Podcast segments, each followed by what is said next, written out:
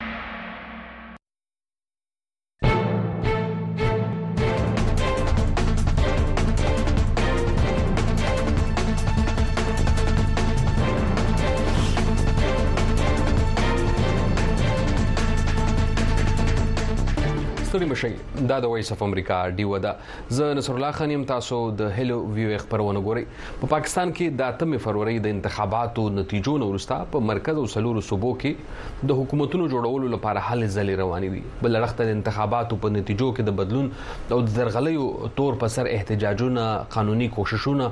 او پریس کانفرنس یا خبر خبري غونډو ته ویناګانې روانې دي په مرکز کې د پیپلز ګوند آصف علي زرداری او د مسلم لیگ نون شهباز شریف په لاهور کې د ایم کیو ایم د مشرانو سره په ګډه خبريالانو ته ویل چې حکومت به دوی جوړوي ورسته بیا په خواني وزیر اعظم او د مسلم لیگ نون مشر نواز شریف د وزیر اعظم څوکۍ لپاره د خپل رور شهباز شریف نوم وړاندې کړ یا د دیوی عدم اعتماد په ووټ کې کله چې عمران خان لري کړ شو دغه نورسته شهباز شریف د پی ډی ایم مشترکه وزیر اعظم وو دغه نورسته په قامي اسمبلی کې د مسلم لیگ نون چې په انتخاباتو کې کمی څوکۍ نو هغه 15 یادي د پیپلز ګوند 350 او د ایم کیو ایم ولس او دوی نورو هم خیالو ګوندونو هم څوکۍ ګټلې دي دا شمیرې خي چې ک دوی غوغاړي د اسلام آباد کې مخلوط حکومت جوړول شي آزاد امیدوارانو درینوي څوکۍ ګټلې او تحریک انصاف ګوند داوا کوي چې دوی سره درغلي شوی خو نگران حکومت وايي انتخابات تو شفا انتخابات شفاف او رڼو بل لخت په خیبر پښتونخوا کې پاکستان تحریک انصاف ګوند د وزیر اعلی د پاره د علي امین ګنداپور نوم اعلان کړی دی د الیکشن کمیشن د غیر حتمی نتیجو تر مخه د خیبر پښتونخوا په یو سل 15 سوکو کې په یو سل 14 انتخابات تر سره شوي او یو نتیجه ورسته کړل شوې ده په دوه حلقو کې انتخابات ځنډول شو بیا ورسته ک پنجاب تر شو پنجاب کې د مسلم لیگ نون د وزیر اعلی د پاره د مریم نواز شریف چې د نواز په خواني وزیر اعظم نواز شریف لور ده د هغه د وزیر اعظم وزیر اعلی د پاره نوم اعلان کړ شوی دی په سن صوبه کې د الیکشن کمیشن د غیر حتمی نتیجو تر مخه په یو شل ډیر شو څوکو کې سلور اتیا څوکۍ پاکستان پیپلز پارټي ګټلې په صوبه کې د حکومت جوړولو اعلان کړی بلوچستان صوبه چې پکې د انتخاباتو د درغلیو په تور احتجاجونه روان دي په بلوچستان اسمبلی کې د ټولو یو 50 څوکیو نتیجې اعلان شوې پیپلز ګوند ویلي په صوبه کې بدوی حکومت جوړوي او سرفراز بوکټي چې په نگران حکومت کې د کورنیو چارو وزیرو د وزیر اعلی د څوکۍ لپاره نومولې د پاکستان کې د حکومت په جوړېدو مخبرو او بیا هم په خبرونه کې تاسو ته د مولانا فضل الرحمن سب چې کوم پریس کانفرنس کړه خبري غونډه پاغه هم خبرو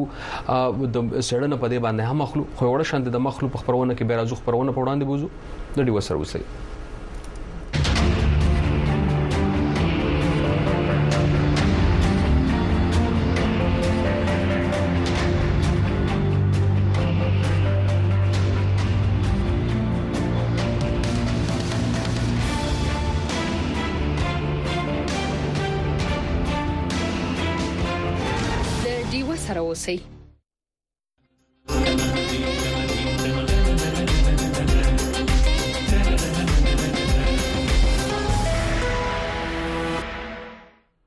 دا د وایس اف امریکا دیو ده پاکستان کې د انتخاباتو نورسته سره روان دي حکومت جوړونې لپاره هلې ځلې سدي د درغلیو په تورونو باندې احتجاجونو بیا دغه په اړه باندې پریس کانفرنس یا خبري غونډه تفصیل اخلو د اسلام آباد نه د یو خبريال اورنګزیب خان صاحب موږ سره ملګری شوی ستړي مشه په خیر علي اورنګزیب خان صاحب ډیره مننه نسولا سره تاسو مننه کو تاسو نو پښتنې هم کو روسته چې بشرانو یا سیاسي ګوندونو چې کوم ویناګان دي د درغلیو په تور باندې په انتخاباتو کې د نتیجو د بدلون په تور باندې په دې اړه باندې پښتنه نه کوو خو په پاکستان کې د نتیجې چې کله اعلان شوې دي د دغه اتمه فروری د انتخاباتو وروسته هلې ځلې سره روان دي حکومت په څوک جوړوي جی بالکل نصرالله صاحب د وخت چې څونه سیاسي ګوندونه دي چې چا په قامي سملې کې صوبې سملو کې زیات وټونه غستې دي زیات شمیرې ګټلې دي ټول ګوندونو دا هڅه دي چې دوی په صوبو کې او قومي اسمبلۍ کې حکومت جوړ کړي څنګه چې د صوبایي حکومتونو ذکر تاسو کو تفصیلا بیان کو نومدا حالات دي چې دوه صوبو کې یعنی بلوچستان او سند کې د پیپلز ګوند خواهش دی چې د حکومت جوړ کړي ځکه چې بلوچستان کې پاکستان مسلم لیگ هم څوکې ګټلې دي او تیر ورځ چې کم د دوی اتحاد شوه دی د پاکستان مسلم لیگ د پاکستان پیپلز ګوند د متحده قومي موومنټ پاکستان استحکام ګوند او بلوچستان عوامي ګوند نو هغه نه پس به تاسو ښکارا شوې ده چې اوس صوبایي حکومتونو کې دا ګوندونه چې کم دي د یو بل مرسته وکوي پاکستان تحریک انصاف د انتخاباتو کې نه خپنه برخه نه واغسته ځکه چې انټراپارټي یا ګوند دننه انتخابات نه کولو زبر نصر الله صاحب دا وایم چې پاکستان کې کوم د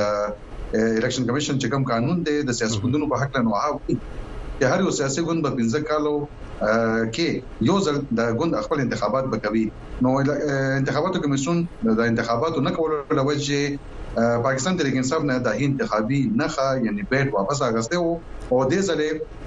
اهي ته بیا چې کوم د زنانو او د اقلیتونو له یا لکه کې او چې کوم مخصوص توکي دي دای فیرس کوم بیا د نه پس پاکستان تحریک انصاف د جوګه نه وو قانوني توګه چې هغه انتخاباتو کمیسون سره جمع کړي وو نو د وخت کې څنګه تاسو ته وسو کو ټول ګوندونو هم دغه هڅه دي چې په مرکز کې او په صوبو کې حکومتونه جوړ کړي او نصر الله صاحب دلته دا خبر هم ډیره مهمه ده تاسو چې کوم شمیره بیان کې چې ټول نه زیات آزاد امیدواران او هغه آزاد امیدواران چې په شای پاکستان تحریک انصاف او هی د قانون سملې سوکي ګټلې دي په دویم نمبر پاکستان مسلم لیگ او په دریم نمبر پاکستان پیپلز ګوند دی او مهمه خبره دا ده چې ډیرو خلکو باندې په کم څوکو باندې چې خلکو ګټلې دي نو هي پر ضد د انتخاباتو کمیسون کې د خواستونه هم جمع شوې دي ځینې خواستونو فیصله شوې ده او دا چې نه ده شوې راتلونکي ورځو کې به دا هي نتیجه هم مخه دراشي او دې سره سره زه به مثال ور اسلام آباد درې سوکو د قومي اسمبلی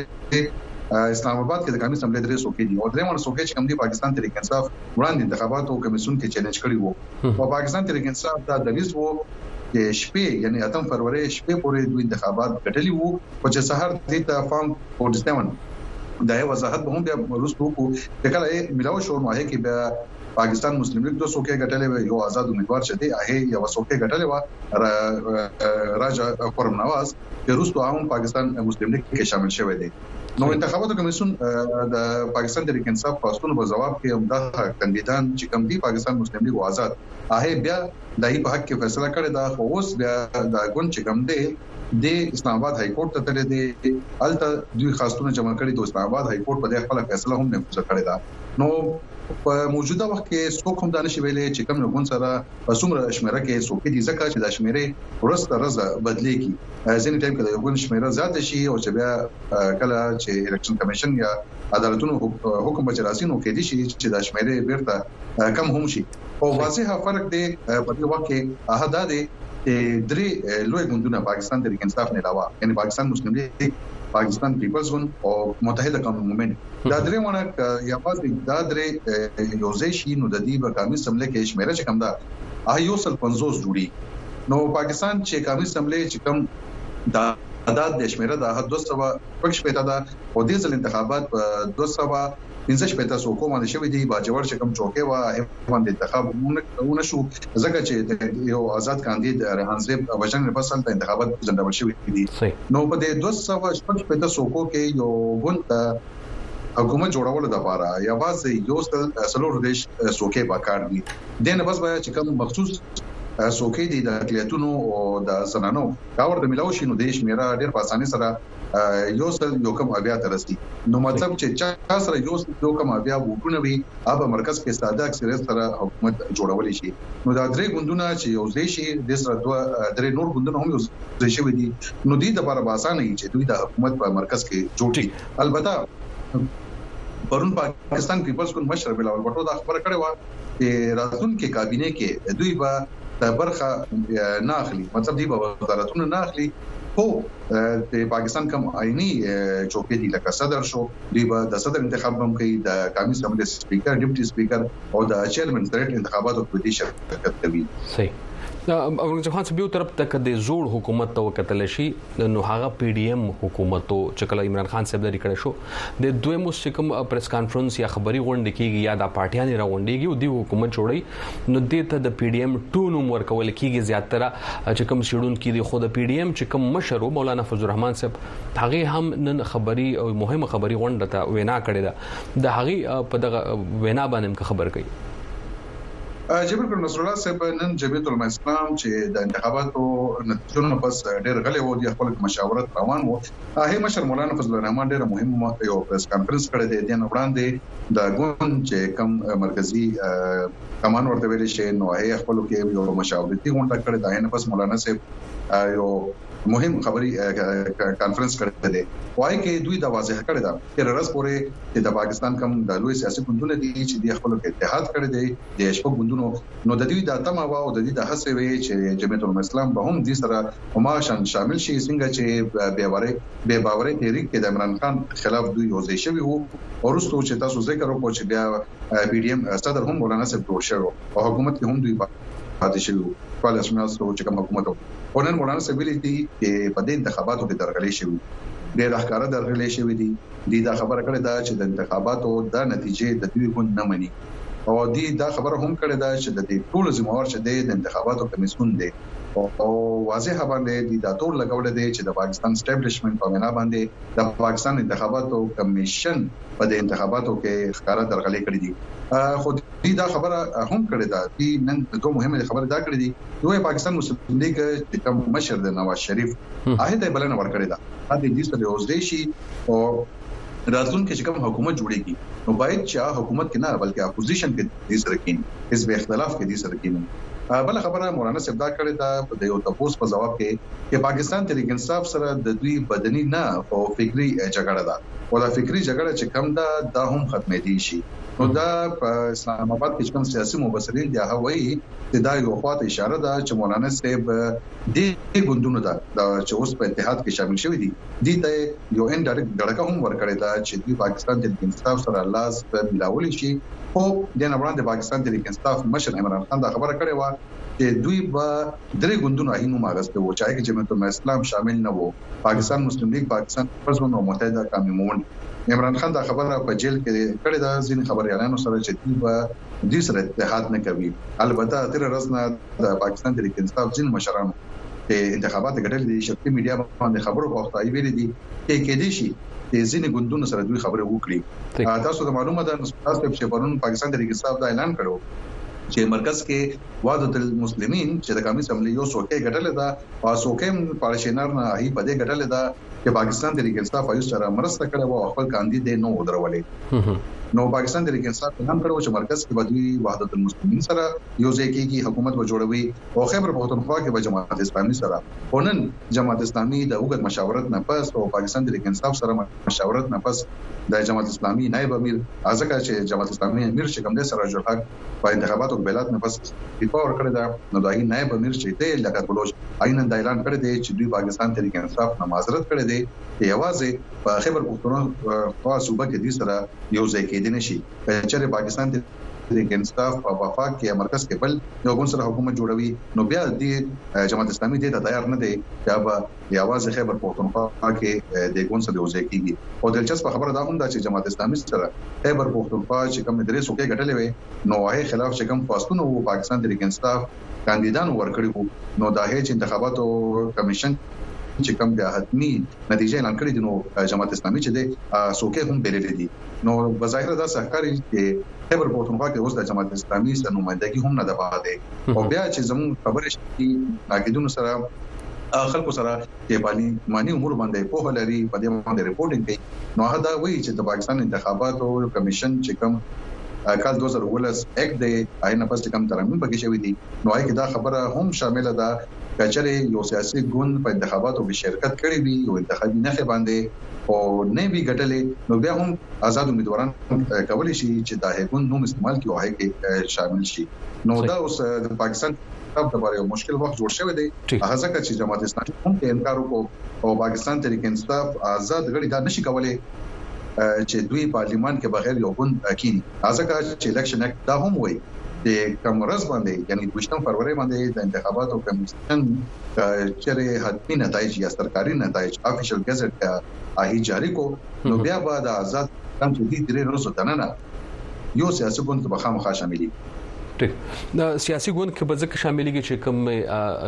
څوکۍ ورکړل شوې دي یا مخصوص نشستونه د خزو لپاره یا اقلیتونه هغه چې ترلاسه کی په دې حالاتو کې یو طرف ته د ایم کیو ایم توګه تل شي پاکستان کې کڅوک په سیاست باندې نظر ساتینو هغه د کراچۍ یو خاص مخصوص ګوند دی متحده قومي مومنټ وخت په وخت باندې کوم ګوندونو سره اتحاد کوي خو بیا دغه ګوندون نوځي بیا راځي او دا دغه یو تاریخ پاتې دی پاکستان په سیاست کې څوک هم نظر ساتیا به پوهیږي که چېرته پاکستان کې د مسلم لیګ او د تحریک انصاف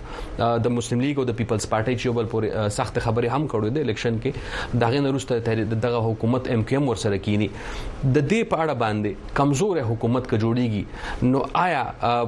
کمزور حکومت د چا په ګټه کېدل شي او د چا په تاوان کېدل شي او د دې په اړه باندې څه ویل کیږي چې کومې ستونزې د پاکستان کې نوغه د حواري د پاره به د دې کردار څه وي جی بالکل نصر الله صاحب تاسو دې جواب زر اعظم خو دې نه وړاندې بزه د الیکشن کمیشن چې کوم په خوانې سکرټر وکړ دلشاد هغه پرون هڅه د پاکستان په شخصي میډیا باندې راځي او هغه باندې خپل نظر یا رائے ورکوي نوحې دا خبره کړې ده چې انتخاباتو نه وړاندې دیارلسم جنورۍ نه اوولسم جنورۍ پورې مهلت وو چې کوم انتخابي سیاسي ګوندونه دي هغه زنانو او اقلیتونو لپاره خپل چې کوم فهرست دی هغه باید جمع کړي پاکستان کې انتخاب چې کیږي نو هینا انتخابات ورځ نه وړاندې د سیاسي ګوندونو د لګښتیو لپاره او زنانو لپاره چې کوم څوکۍ دي مخصوص دي دا اویا څوکۍ جوړیږي چې شپېته د زنانو دي او لس د اقلیتونو دي نو وړاندې نه به دوی خپل یو فهرست جمع کوي چې هغه کې به نامې لیکل شوي وي چې که دوی دومره څوکۍ ګټي نو پرایورټي لیست کې چې لومړی نمبر باندې به کوم زنانه یا اقلیت یې دویم دریم څلورم داسې دي دا نامې ورکړي نو که وردګل شاه چې د ای سي پي پخوانی سکرتر دی نو هغه دا امکان رد کړی دی چې ګین اوس پاکستان تحریک انصاف سره دا ګنجایش پاتې دی که چېرې دی او سیاسي ګوند کې شامل هم شي نو عین پس دی نشي کولای چې خپل یو فهرست ورکړي دویم سوال چې تاسو وکړو نو پاکستان کې اکثر لا داسې اتحادي حکومتونه مخلوط حکومتونه جوړ شوی دي او پاکستان چې کم تاریخ ته نوران دی رومبي سلمان دی دا سیاسي ګوندونه اتحاد شوی او نو حقل 1900 وښ پته کې شوی او وخت کې د اتحاد چې کوم سیاسي وخت اپوزي امر جنرال خلاف شوی روسو بیا ضیاء الحق خلاف هم دغه شان سیاسي ګوندونو اتحاد شوی وو نو اسلام آباد کې او پاکستان کې سیاسي مبصرین وایي چې یو ډیکټیټر خلاف د سیاسي ګوندونو اتحاد جمهوریت ته هوده ورکړی دا هو کله خبره کې بیا د اقتدار راغلی دا او د سیاسي ګوندونو حکومت لپاره چې کله خپل په اتحاد کړی دی نو هي به تاوان ولست شوی دی لکه دین وړاندې پی ټی مت چې باز شوی دی نو اشپل اسمیاش حکومت او د پی ډی ایم حکومت چې کابینه و دا یې شمیر د شمیره چې وا ډیره لوی وا آی کې ډیر زیات وزارتونه او ډیر زیات وزیران وای وجه دا ده چې هر کله اتحادي حکومت جوړیږي نو حکومت یا وزیر اعظم دا هڅوي چې اتحادي ګوندونه خوشاله ساتلو لپاره د هی چې کم غوښتنې دي هغه پوره کړي او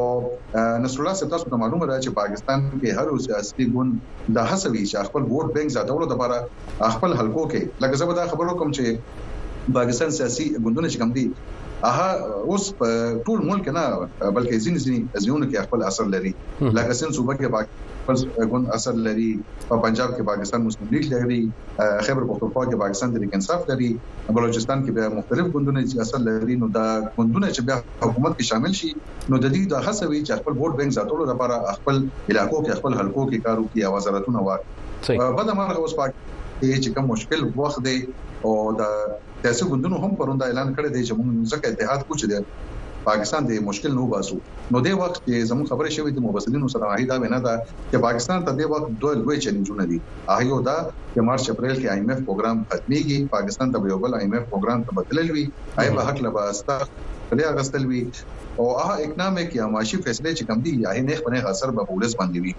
او دویم چې کوم دی ترخګري ده ترخګري کال 2023 کې چې کوم غیر دولتي ادارو رپورټونه وایي چې کال 2023 کې د ترخګري په کې ډېر زیات شوی دی یعنی دوی کمپیریزن کړی دی چې کال 2012 نه پس چې ټول نه زیات ترخګري کال 2023 کې شوی دا یو دا مسله ده بله مسله چې کوم دا د بیروزګارۍ ده د ګرانۍ ده نو دا داسې مسلې دي چې اتحادي حکومت د لپاره په دې کابو راوستل بل ګران پدی وي چې اتحادي حکومت آزادانه فیصله بیان شي کول صحیح ډیر زیات مننه کو د وخت راکولو اورنګزیب خان صاحب د معلومات شریکولو جهان مننه تاسو هم ډیر مننه مننه د ډیو کتون کوردونکو زموږ سره وځي خان صاحب د پاکستان په سیاسي حالاتو باندې تاسو د غي خبرې واورې د معلومات تر څه شریک کړو خو په پښتونخوا کې تحریک انصاف ګوند لخوا علي امین ګنداپور د وزارت لپاره نومول شوی تفصیل اخلو د سیمینار سره د ډیو خبريال عدنان بټنې ملګری شو ستړي مشه په خیر یاد بټنې صاحب مهرباني نصر الله صاحب بدن یو پر دا هم وای چې د علي امین ګنداپور چې تعلق د ډیر اسماعیل خان سره د هغه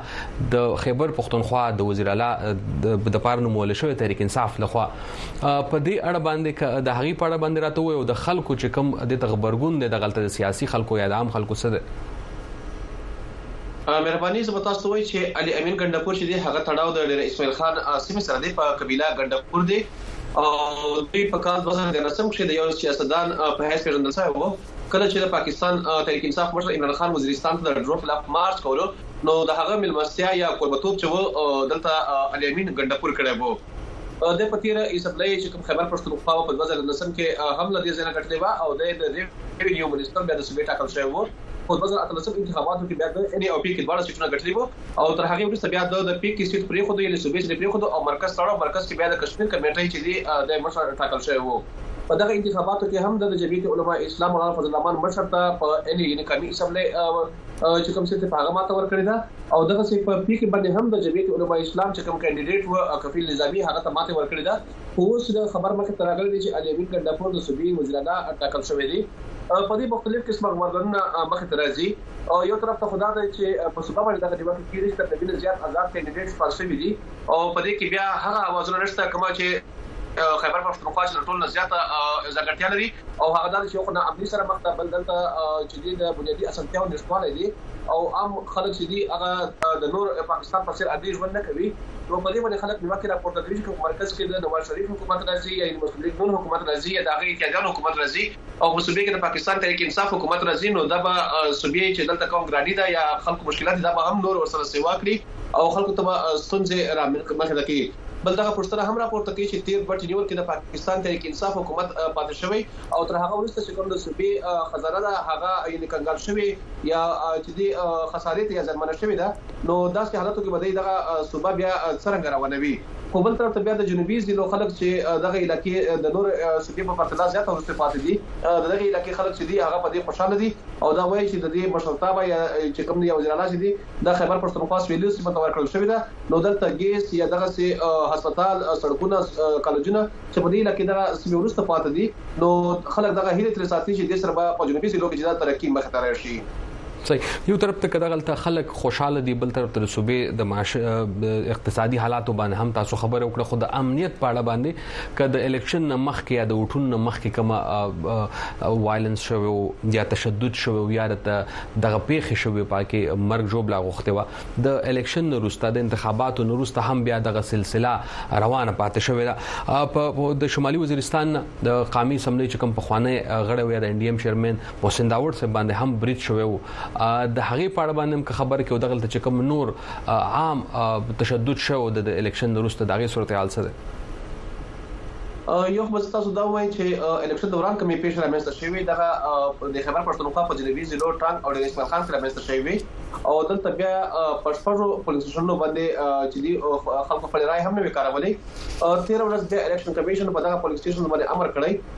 چې په دې کې یو پولینګ سټیشن چې دی هغه په ټانک اعظم کوټ سیمه کې دی او پنځه پولینګ سټیشن چې دی د ډیر اسماعیل خان کولاچای تحصیل او چې کوم روړی علاقې ده په دې کې دی زما تاسو وایي چې دلته کومې پیښې شوې په امنیتي عسکرو باندې بریدونه شوي یو په ټانک کې مړ شوی او پنځه پولیس عسکر چې وو چې هغه تعلق د شانګلې ضلع سره وو دا په کولاچی تحصیل کې په بریدونو کې وژل شوی وو تر هغه وروسته اوس الیکشن کمیشن دا پریکړه کړې چې په دې بیا ووټونه کیږي دا ټکري به دغه رای بخښل په داسې حال کاروي چې دې نه وړاندې د پاکستان تحریک انصاف چې کوم حمایت یافته کاندید و د اورخان ګونډي دغه د مولانا فضل الرحمن چې کوم زوی دی اسد محمود له هغه څخه په اته سوه ووټو باندې بریالی ګرځولی شوی دی او دغه چې کوم بیا الیکشن پیل کیږي نو دې ته د مولانا فضل الرحمن چې کوم زوی دی اسد محمود او کوم په تیر حکومت کې د مواصلاتو وزیر هم و هغه الیکشن کمیشن ته خواست کړی و چې په دغه چوکۍ چې کومه ده په دې بیا ټاکنې وشي. زه به تاسو ته دا هم وایم چې مولانا فضل الرحمن او د هغه کورنۍ پنځه غړي چې پکښې یې دوه زامن او دوه وروڼه هم شامل وو تر دې مهاله چې کوم الیکشن کمیشن له خوا نتیجې مخې ته راغلي دي نو په هغې کې یوازې د هغه یو ورور لطف مولانا لطف الرحمن چې هغه د صوبایي اسمبلۍ چې کومه څوکۍ ده هغه ګټلې ده خو د قومي اسمبلۍ چې کومې څوکۍ دي هغه د مولانا فضل الرحمن په ګډون د هغه زامنو هم او وروڼو هم په چې کوم خیبر پښتونخوا د جنوبي ضلعو نه الیکشن کنټیکټ کړي وو هغه هرولي دي بل طرف ته الیکشن کمیشن چې کوم دی د ان ای فورټ یعنی موسن داور چې کوم کانسیکوئنسي ده په هغه باندې هم نتیجې او درولې دي او دا ویل دي چې د دې به بیا جاج اخستل کیږي دا تر هغه ورسته چې دا ټاکر رستورانت عمل روانو تر هغه ورسته موسن داور او دغه ګوند تور پورې کوي چې دا هغه په لګانو باندې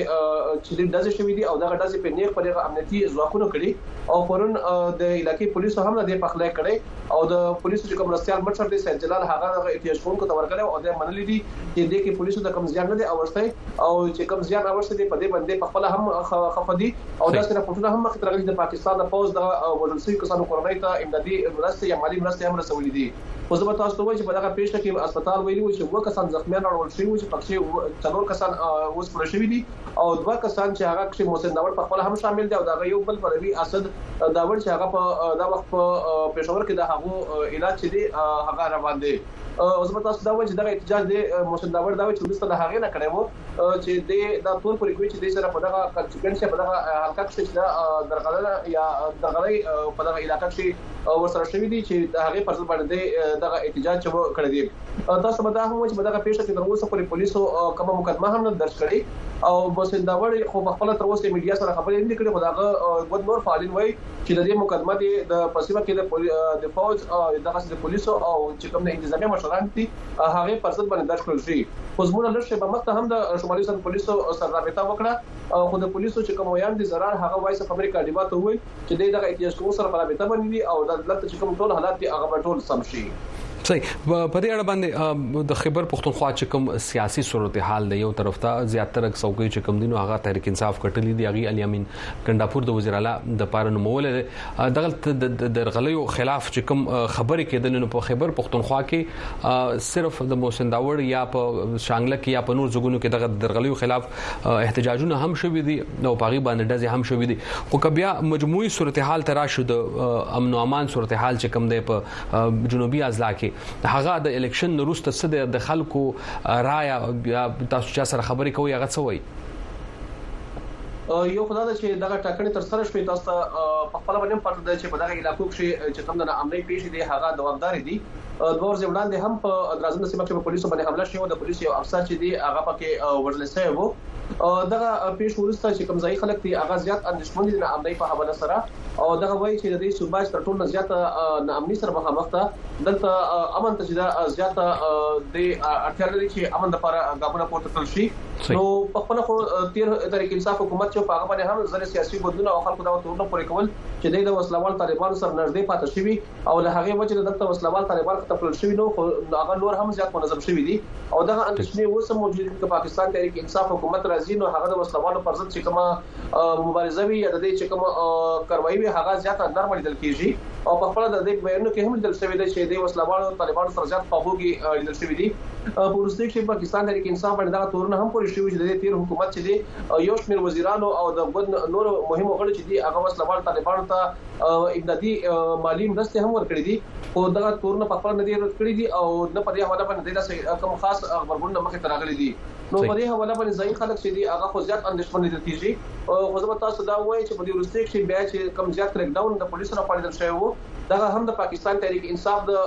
پلویانو او د دې چې کوم تیر حکومت کې چې کوم د اسمبلو غړي پاتې شوی وو هغه پر خلاف باندې پاتې شوی وو چې دې په کې ځنن ته هم اچول شوی وو خو اوس تر هغه وروسته داسې لیکي چې دلته پولیس او لکه او دغه څه نورې ادارې چې دي نو هغه اوس په خپل هم دغه پی ټی آی په پروټیکشن کې زیاتې چې دي مصرف لیدل کیږي ډیره زیاته مننه کوه ودان بیټن صاحب د وخت راکول یو جهان مننه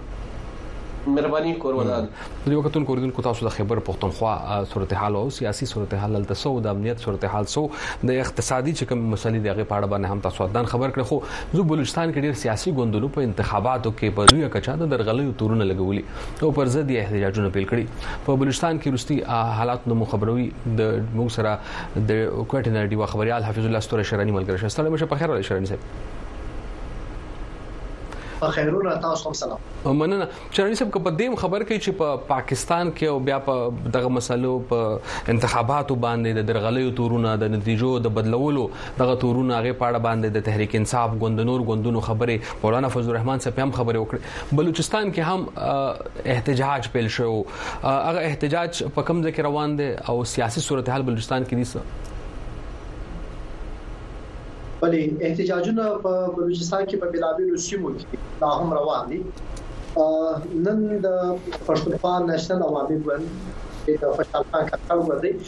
دغه له لوري څخه د بلوچستان په پښتني سیمو کې په خاصه توګه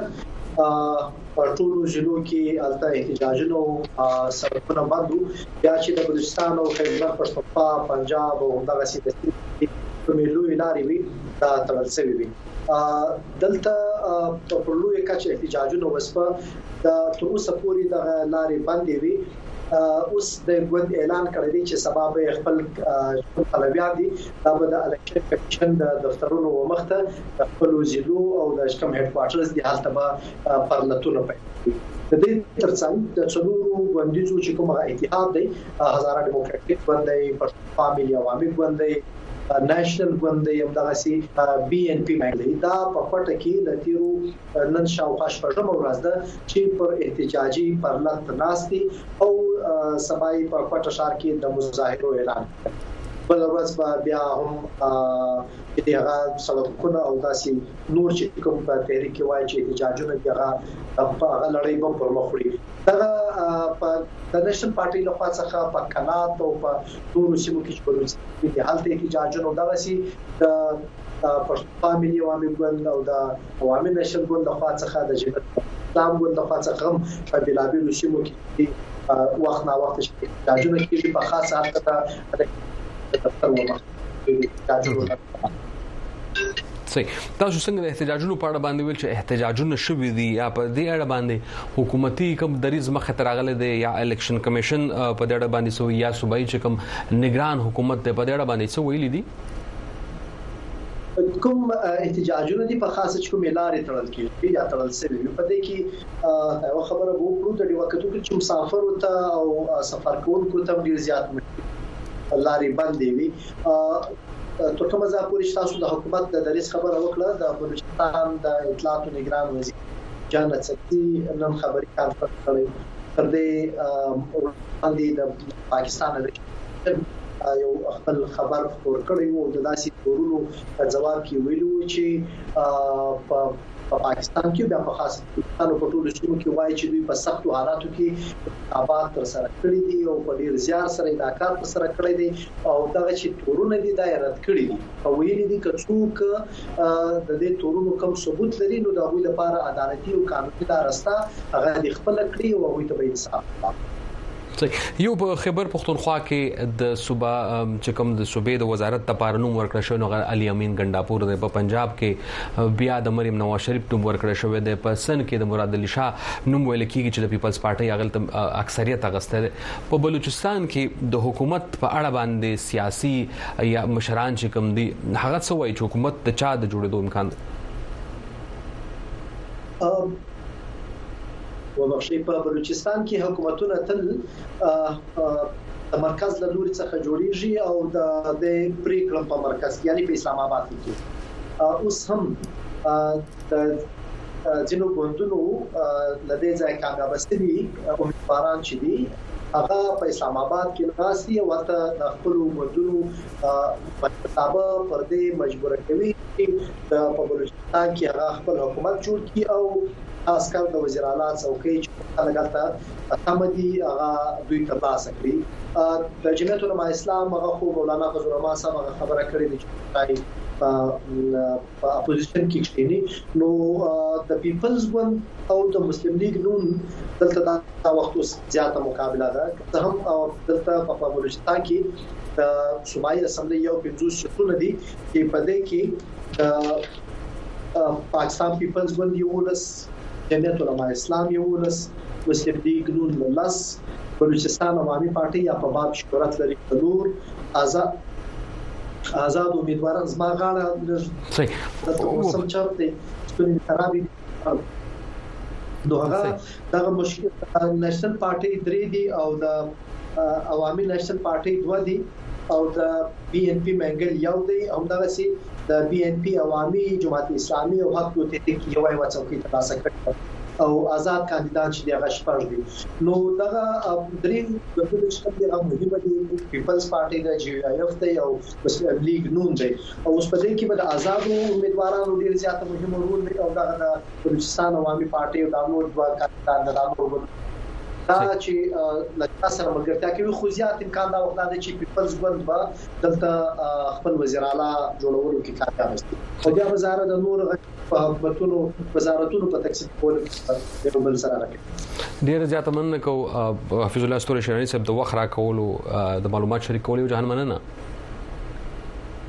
تاسو ډیر مننه د لیوالک مننه د څنګه تاسو واوریدل چې په د بلوچستان حالاتو هم خبر شوي په اسلام آباد کې د حکومت د جوړېدو امکان د چاره او په خیبر پښتونخوا کې د غشانته په کراچۍ یا په سن کې حکومت د جوړېدو د پیپلز پارټي ښکارا اکثریت غسته ده خو سړون کې سوي چې په پاکستان کې که حکومت جوړ شي واغه زیاتره چورته ویلي کیږي چې کمزور حکومت نو هغه تبا سختې فیصلې اغستلو کې بیا ستونزې وي مشکلات به ورته وي دغه حکومت چې کم جوړ شنو آیا د ترهګرۍ په اړه باندې به با د دې تګلارې او د پاکستان کې چې کوم اقتصادي صورتحال ده د دې په اړه باندې بدی د کوم ستونزو سره مخ کیږي سیړونکو په دې اړه باندې سوي د دغه راپورټ اسلام آباد د ډیوا خبريال اورنګزیب خان صاحب را لګل دا ګورو او بیا راځو خبرونه پوراندې بوزو د ډیوا سره وسه په اتمه فرورۍ شوو انتخاباتو کې یو سیاسي ګوند هم د قامي سملې دومره چوکې نه دي ګټلې چې په یوازې په خپل سر مرکز کې حکومت جوړ کړي. پاکستان مسلم لیګ چې د پاکستان تحریک انصاف حمایتې یافته د ازاد امیدوارانو نه پس یې د قامي سملې تر ټولو زیاتې چوکې ګټلې دي، نورو ګوندونو ته یې اتحادي حکومت جوړولو بلنه ورکړې وه. او تېره شپه پاکستان پيپلز ګوند، متحد اقامي مومنټ، پاکستان مسلم ليګ کاف، استحکام ګوند او بلوچستان عوامي ګوند په شريکه اعلان وکړو چې مرکز کې حکومت جوړولو دپاره به دوی د مسلم ليګ حمايت کوي. دلته په ماضي کې هم مشکلات جوړ شوي دي حکومتونو ته دا حکومت به هم زما په خيال په نيغ په نيغه په خپله د فيصلې کولو په پوزيشن کې به نۀ کمزوری حکومت به وي، کله به هم د ده راغورځېدل اساني، یو جومات پکې شاته نه څوک وباسي او دا جومات به هم راوغورځېږي. نو زه پخپله دا ګڼم چې په دې وخت کې چې کوم حکومت به جوړېږي، په هغې کې به فایده، چې کوم خلک به په حکومت کې شامل وي، هغه سیاسي جماعتونو، هغه خلکو ته خو کېدای شي،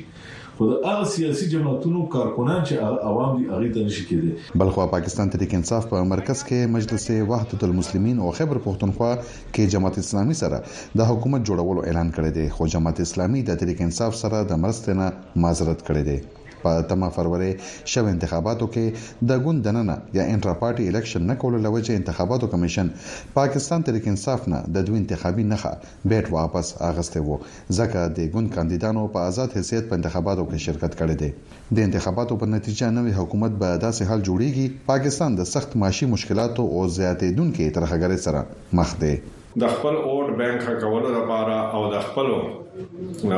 کارونو لپاره هغه به په مسلم لیګ نون وزیر اعظم کوم چې شهباز شریف ښکاري چې هغه به جوړیږي په هغه باندې به دباو اچوي هغه به مجبوري او کوم د ملک غټي غټي مسلې چې کمی دي نو هغه ته به هغه شان توجه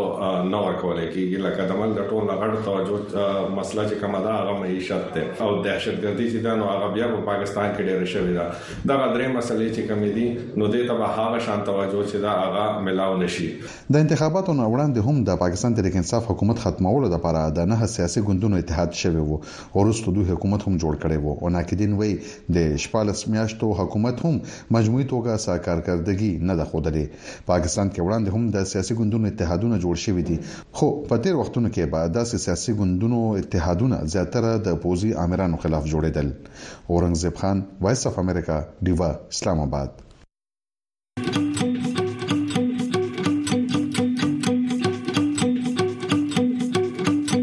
وي او ای ډیوه په سټیلایټ ټي وي هره ورځ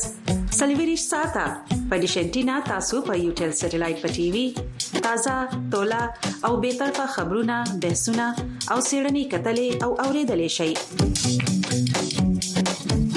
د یو ټل سټلایټ فریکوئنسي یا سبې او یا بي او یا اشاریه 15 ایست چینل یو سلدري هر ورځ سلویری ساته لډي وسره اوسئ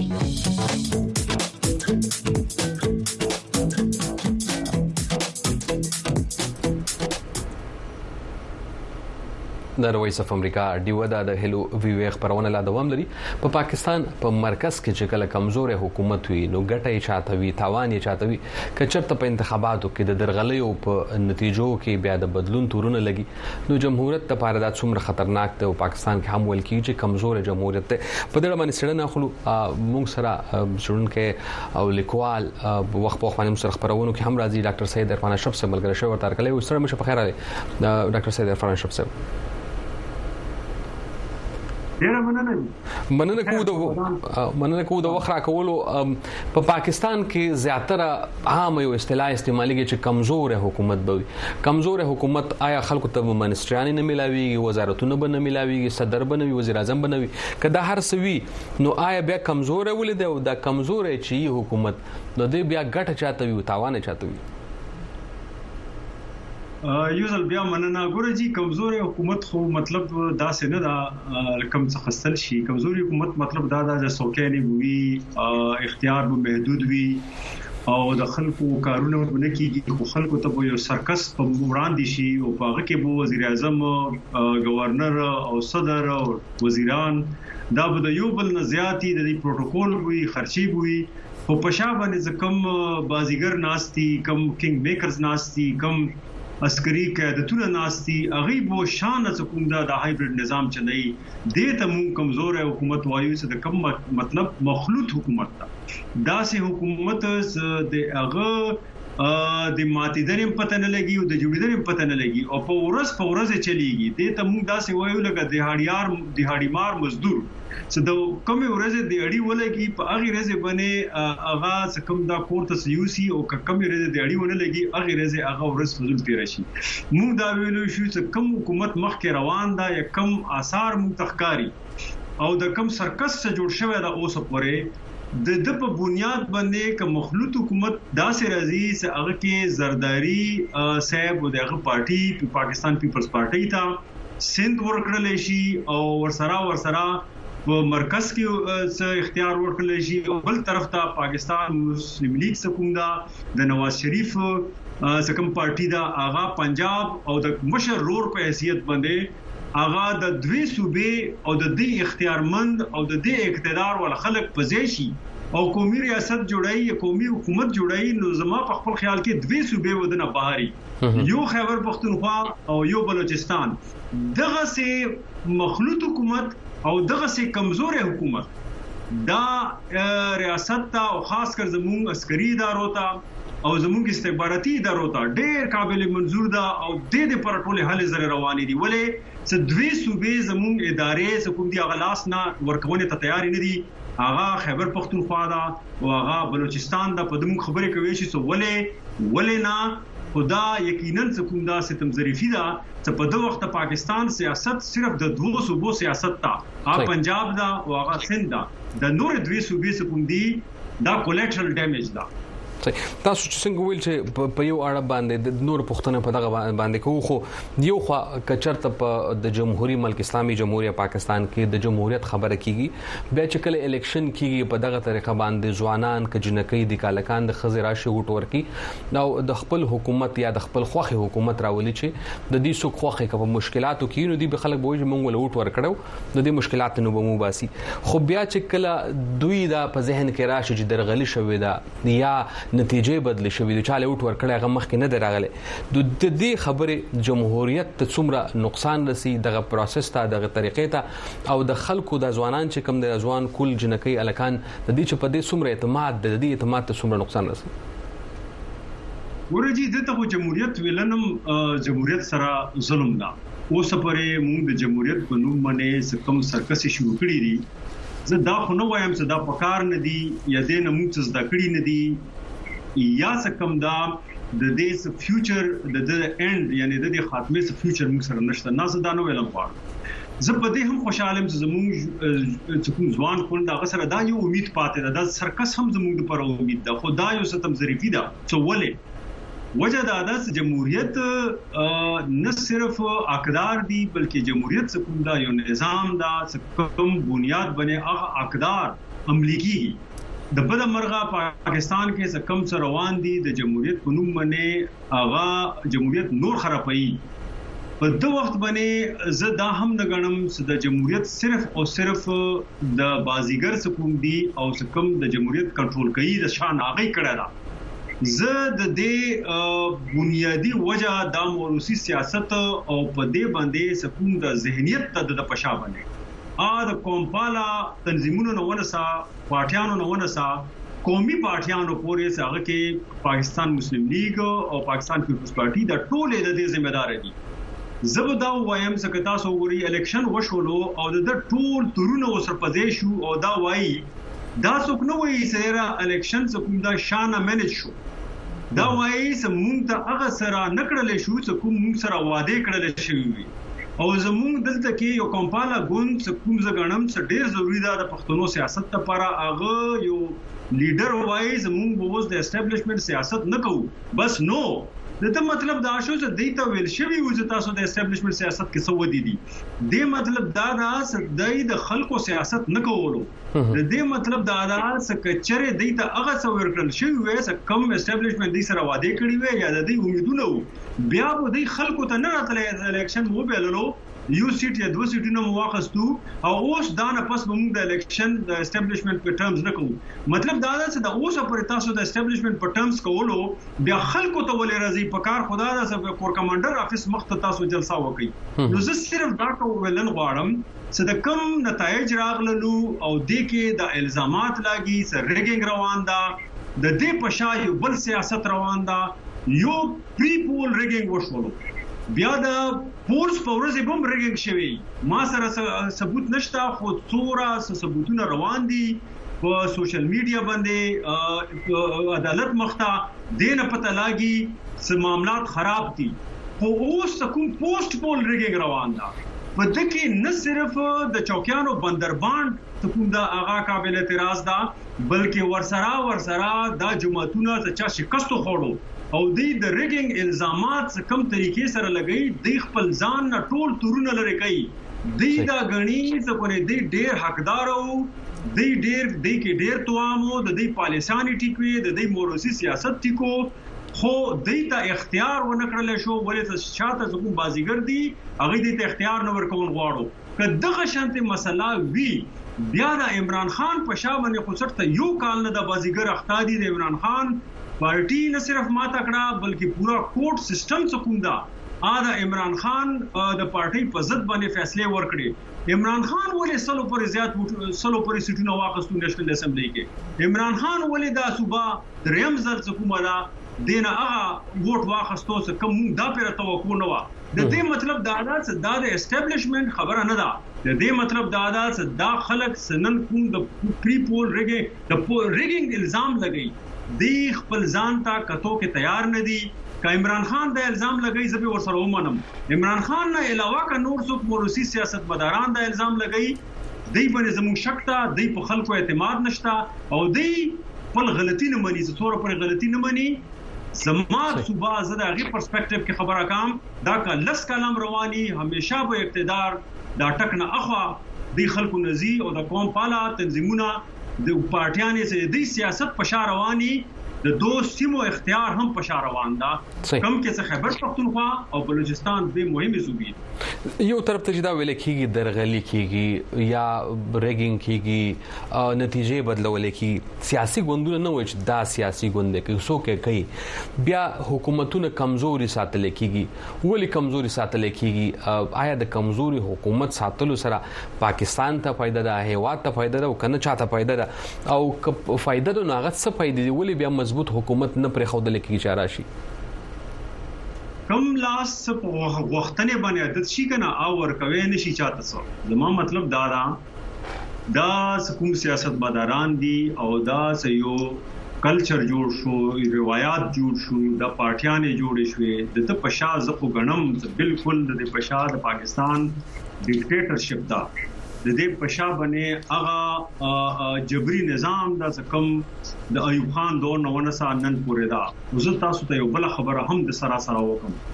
مون هر سیس کوم دا هغه ریاست باندې خوا چې په ریاست سره سره دا سکوم سیاستمداران دي دا هغه نهج باندې رغلي دي چې کچره ریاست په شاه هم شي دی ورته جی ایچ کیو ته ورشي ورته وایي سیر زمو واک په لاس کې واخلي مونږ ته مونږ څه د کار نه یو مونږ ته یو بهانه پکار ده او کچره د عسکري ادارې ماز نه وځي دريمګړی به بل قوت راځي که هغه د بل ملک نه هم راځي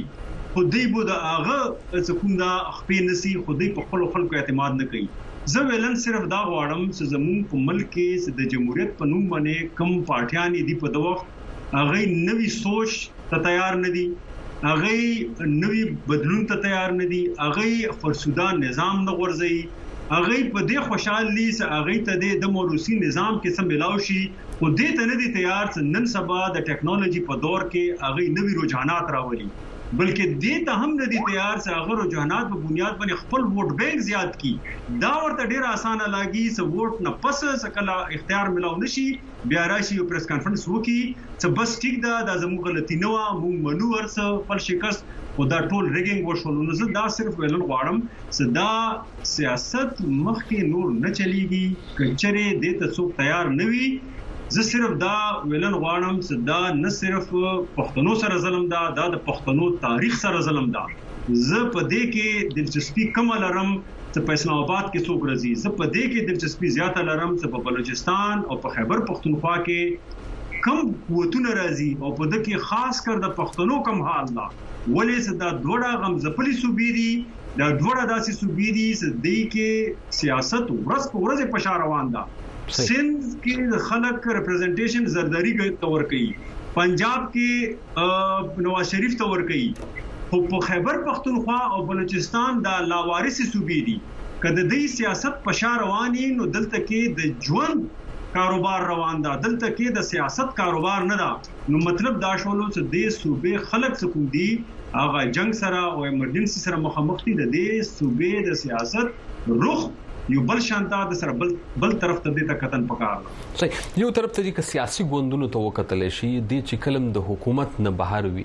نو دوی اسټابلیشمنت ته میادي د پاکستان پوز میادي جنسيان میادي او ډېر کلک نیوکې پکوي خو کچې دی سیټ وګټي او انتخابات وګټي صوبایي او قامي اسمبلی کې راشي یا مرکه حکومتونو کې راشد دي چې کوم جبه د نو هغه پسته شي د وینای چې کوم ټکی هغه شانتي نه استعمالوي او د جمهوریت دغه لپاره چې کوم انسټیټیوشن دی یا کوم ادارې دي مضبوط کې دغه لپاره د کار نه کول کیږي د پاکستان کې سیاسي سیډونکو وخت په وخت باندې خبره کوي خو آیا یو سیاسي ګوند ولې د جی ایچ کیو طرف ته ګوري ولې د پوسټ طرف ته ګوري آیا هغه الیکشن مینج کول شي هغه الیکشن چې کوم دی یا ووټ بدلول شي رائے بدلول شي د خلکو یا درغلي کول شي په دې حالاتو کې کوو کتل شي نو تاسو څوک ګرم غړي بیا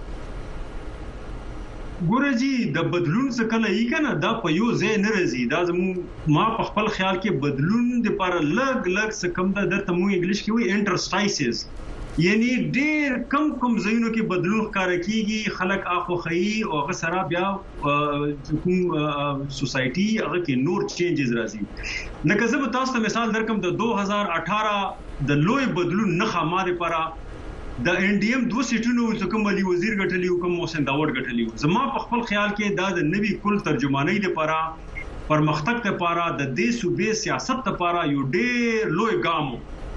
تاسو وګورئ 2018 نه پیله دلته پی ټی ایم ز کوم سټیپس روان کړي او زما په خپل خیال کې په دنیا کې ورته خلکو یو نظر وو یو پروګریسیو سکوم دا سیاست طرف ته دا یو قدم وو هغه هم ځپلي صوبه سه په دنیا کې د هغه پہچان د وار اون ټیرر او د شتګردۍ او ایکستریمیزم په بنیاد کیږي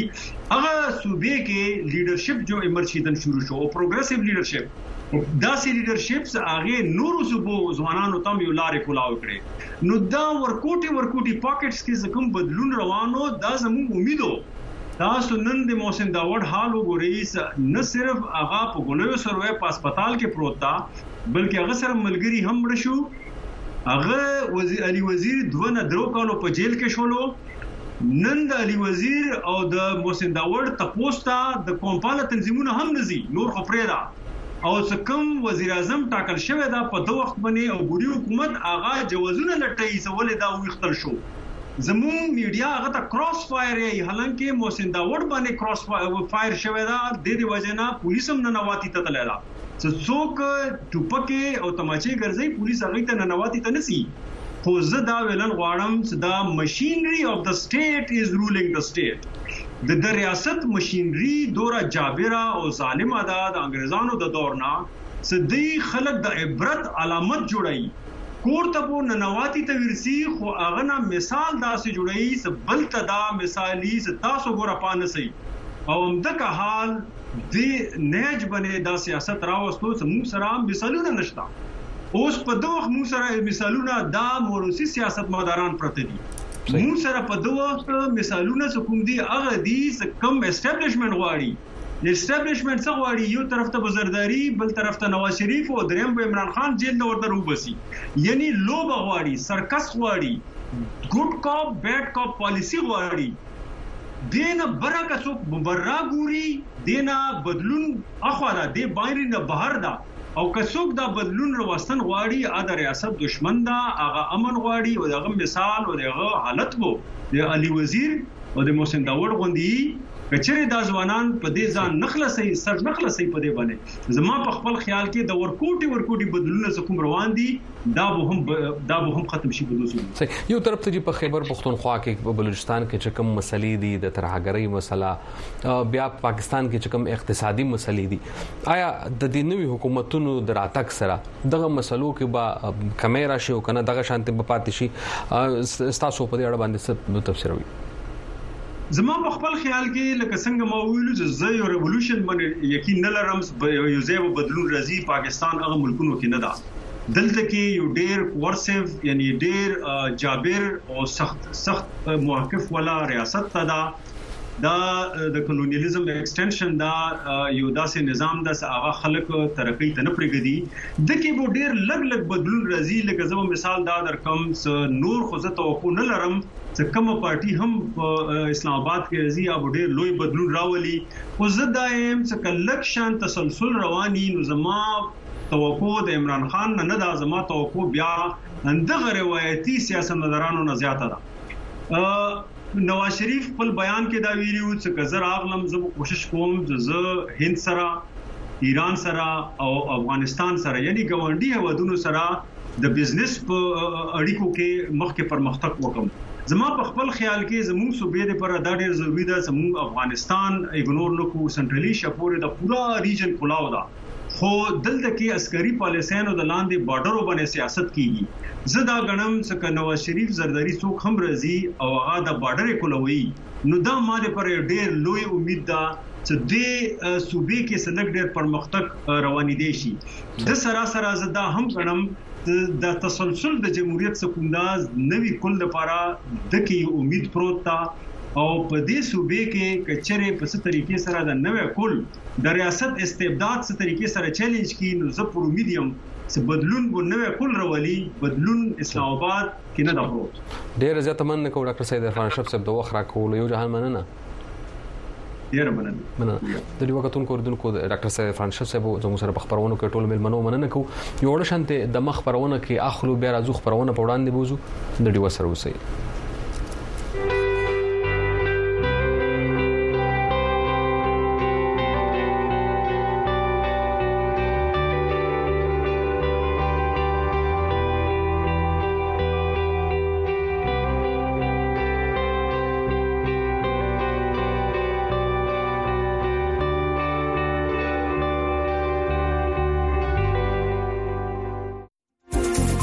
په دې بحث کې چې تاسو کومې خبرې وره دي دا د ملمنو خپل نظر وو دا د وایس اف امریکا یا د امریکا د حکومت نظر نه وو